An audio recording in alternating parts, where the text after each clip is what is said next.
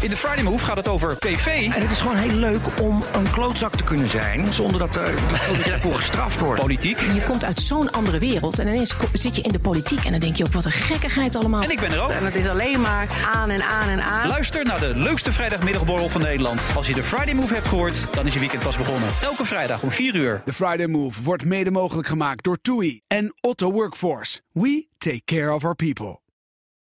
Er gebeurt heel veel in Den Haag. Er is natuurlijk weer uh, verteld wat we morgen te horen krijgen. Dus we gaan snel naar politiek verslaggever Sofie van Leeuwen. Sofie, een heel goedemiddag. Hoi, goedemiddag.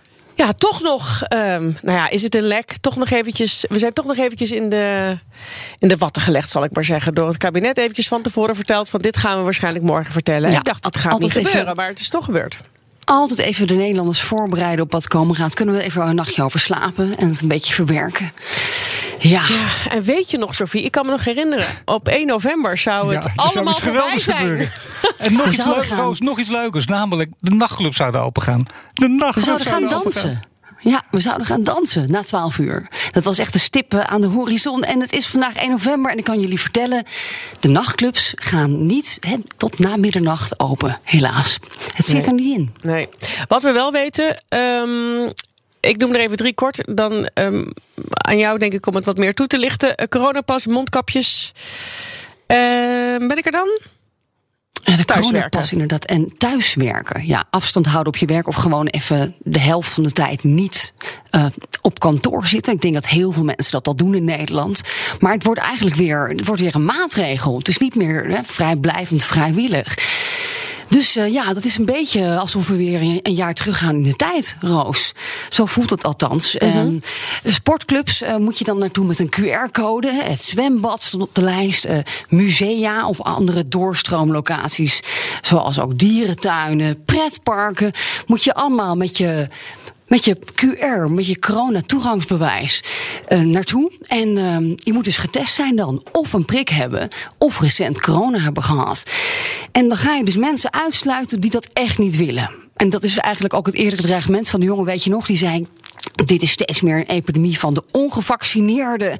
Dat maakt hij nu wel deels waar. En het kabinet wil dus ook naar de oproep uit de zorg het afgelopen weekend gaan ingrijpen. Morgen bij die persconferentie. Wat we natuurlijk zien is dat inmiddels vandaag meer dan 1200 patiënten met corona in de ziekenhuizen zijn opgenomen. En we zien gewoon een hele snelle stijging over de afgelopen weken. En dat maakt dat we niet aan de realiteit ontkomen dat we toch weer opnieuw maatregelen zullen moeten treffen. Tegelijkertijd wil je dat natuurlijk wel op zo'n manier doen dat we niet de hele samenleving weer allerlei beperkingen moeten opleggen. Kunt u beloven dat het geen halfbakken maatregelen worden? Dus hè, een dringend advies, misschien een mondkapje erbij? Zeker.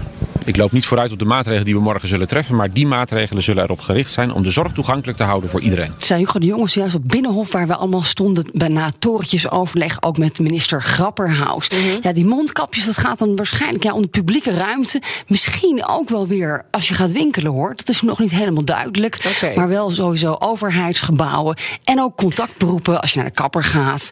Dat komt dus weer terug. En dat is toch wel even ja, slikken, denk ik, voor veel mensen. Want we waren er toch lekker met z'n ja. allen gewend dat het niet meer nodig was. En dus uitbreiding van die coronapas, Sofie, dat is toch wel interessant. Want we weten nog helemaal niet of die überhaupt werkt. Of die iets toevoegt of niet.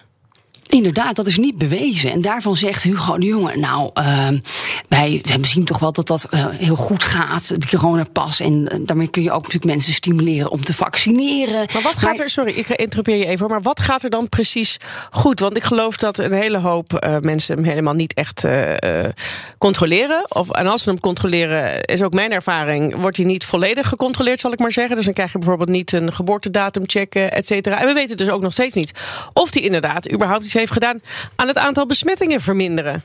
Je hebt helemaal gelijk, dat weten we niet. Dat weet Hugo de Jonge ook niet. En uh, je hebt ook gelijk dat dat ding natuurlijk heel slecht wordt gehandhaafd. Op heel veel plekken in Nederland.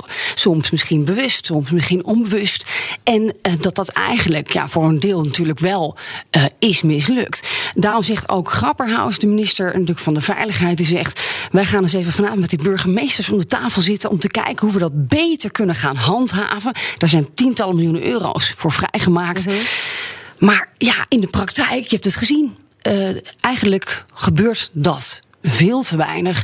En dan kun je je afvragen op al die feestjes die we in het land hebben gehad de afgelopen tijd. Of dat echt zoden aan de dijk zet. Ja. En als je het dan nu in een museum gaat doen.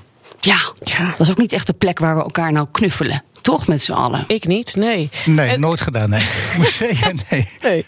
In de dierentuin misschien wel. En, en, en Sophie, de QR-code op het werk, hè, dat was een oproep van burgemeester Bruls van de veiligheidsregio's. Die, die, die komt er niet, hè, begrijp ik. Of, of voor zover Nee, we weten. Voorlopig nog niet. Eh, de jongen die heeft daar steun voor gezocht. Die heeft de afgelopen dagen eh, gebeld met eh, mensen in de Tweede Kamer. En daar hoor je dus nu van, nou, er is eigenlijk geen steun voor. Ook niet bij de Partij voor de Arbeid, die de coronapas hebben gesteund als enige in de oppositie, weet je nog. Eh, Als die het al niet willen, QR-code op het werk gaat veel te ver. Ook de vakbonden willen het niet. Die zegt dat is eigenlijk een indirecte vaccinatieplicht. En je hebt natuurlijk privacyproblemen. Ja, Grapperhaus die zegt dat gaan we nu niet doen. En bovendien die wetswijziging dat duurt vier weken. dat eh, hoe dan ook op dit moment de wet eh, nog niet de mogelijkheid geeft om op het werk, eh, laat ik zeggen, met coronatoegangsbewijs te werken. Dus het is zeker iets om mee te nemen of je dat in de wet mogelijk moet gaan maken. Het behoort tot de dingen waar we echt heus naar kijken. Maar dan zal dat altijd nog wel op zijn minst enkele weken duren als je dat zou willen doen. Ja, hij sluit het dus niet uit. hè. Dus we moeten opletten. Het zou kunnen als we het later in, die, in deze crisis weer met meer IC-bedden, et cetera, aan nog grotere drukte in het ziekenhuis zitten. Dan kan het natuurlijk zo zijn dat die politieke druk verder wordt opgevoerd. En dat partijen dan gaan schuiven. En dat Grapperhaus dan toch zegt: ja, die QR-code op je werk, zoals in Italië, dat hebben we deze winter misschien wel nodig. Maar ja, volgens eerlijk is het niet zeggen. in de orde. Ja, Sophie, toch als ik goed naar hem luister. In, in, in dit kleine stukje eigenlijk lijkt het erop alsof je er al op eh, preludeert. Hey, nou, het kan, ja, zeker. Over nu nog niet, maar over een paar weken. Heb jij hem zo ook geïnterpreteerd of niet? Ja, dat klopt. Alleen op dit moment is er in de Tweede Kamer lijkt er geen meerderheid voor te zijn. En hij moet natuurlijk wel die wetswijziging kunnen doorvoeren. Ja. Maar nogmaals, als de situatie en de context verandert, want we zitten nu nog in een redelijk zeven fase van de crisis, ja, dan kan het zijn dat de PvdA dan ook zegt, nou, nu wordt het echt urgent en nu Ja. gaan wij wel toestemming geven aan de minister. De minister kan niet helemaal autonoom opereren in deze natuurlijk. En Sophie, hoe wordt er in Den Haag gereageerd op, eh, op wat we nu weten? Nou ja, een beetje zoals verwacht. Dus je ziet aan de rechterflank zie je natuurlijk mensen zoals Geert Wilders van de PVV die zeggen: nou ongelooflijk een uitbreiding van de coronapas. Dat is natuurlijk meer tweedeling in de samenleving en het is een schijnveiligheid, want het werkt helemaal niet. En bovendien jullie lekker weer die stukken, dus jullie respecteren ons als parlement niet. Aan de linkerflank dus bijvoorbeeld wat ik al zei, de PvdA, die maken zich ook wel zorgen. Want die zeggen ook wel van al die tijd, jullie hebben niet lopen indammen. En nu zitten we weer met zoveel besmettingen, meer dan 7000, bijna 8000. We zijn eigenlijk ook te laat. En ga je het hiermee redden? Het is een, eh, ja, een hele spannende tijd. Eh, en de jongen, ehm, ja, die gelooft er gewoon in. Ik zei het net al. Coronapas, volgens hem werkt het gewoon. Ik zal je het nog even laten horen. is een van de maatregelen die in de optelsom eh, werkt in het afremmen van de verspreiding. En, en dat de verspreiding er minder snel doorgaat, ja, dat staat als een paal boven water. Dat het virus minder kans krijgt om binnen zichzelf in een grotere snelheid te verspreiden. Dus het, het werkt remmend en het werkt risicoreducerend. Ja. De jongen dus. Nou, de coronadebat later deze week, dat wordt natuurlijk een spannende aanvaring wel Ja. tussen de oppositie en de, de, de- ja, de demissionaire regering. En vergeet niet dat de ChristenUnie, dat is natuurlijk een partij die helemaal geen zin heeft in, de, in dit soort maatregelen. Dus we zijn er niet over uitgesproken. Ook Nee. niet aan de persconferentie van morgenavond. Waar we ook niet over uitgesproken zijn, Sophie, is de formatie-update. Ik ga er toch nog even iets over vragen. Zijn er onder- onderhandelaars een beetje bijgekomen van de Zwaluweberg? En is er nog iets meer uitgekomen dan wat we hoorden over ze zijn iets verder over stikstof? Ehm, ik sprak eh, Jet van D66 en Sofie Hermans van de VVD net even. Die zaten weer eh, aan tafel met Remkes en Koolmees. Het heeft geschuurd. Het is moeilijk ingewikkeld. Met name ook uitvoeringsproblemen bij al die plannen. Ook over klimaat. Maar er zijn, goh, nog geen knopen doorgehakt in de Zwaluweberg. Ze zijn nog niet echt een stap verder. Hoe was het op de Zwaluwenberg?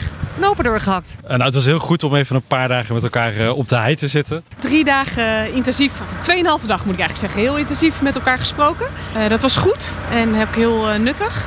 Het is nog niet klaar. Zijn er al boeren uitgekocht? Is het, is het al geregeld, voltooid leven? Het is, het is af als het af is. En uh, nou, ik denk ook dat het goed is als we verder niet al te veel vertellen over de inhoud van die onderhandelingen. omdat dat de gesprekken vaak niet ten goede komt. Heeft het nog geschuurd? En natuurlijk, dat gebeurt altijd in politieke gesprekken. En volgens mij is dat alleen maar goed.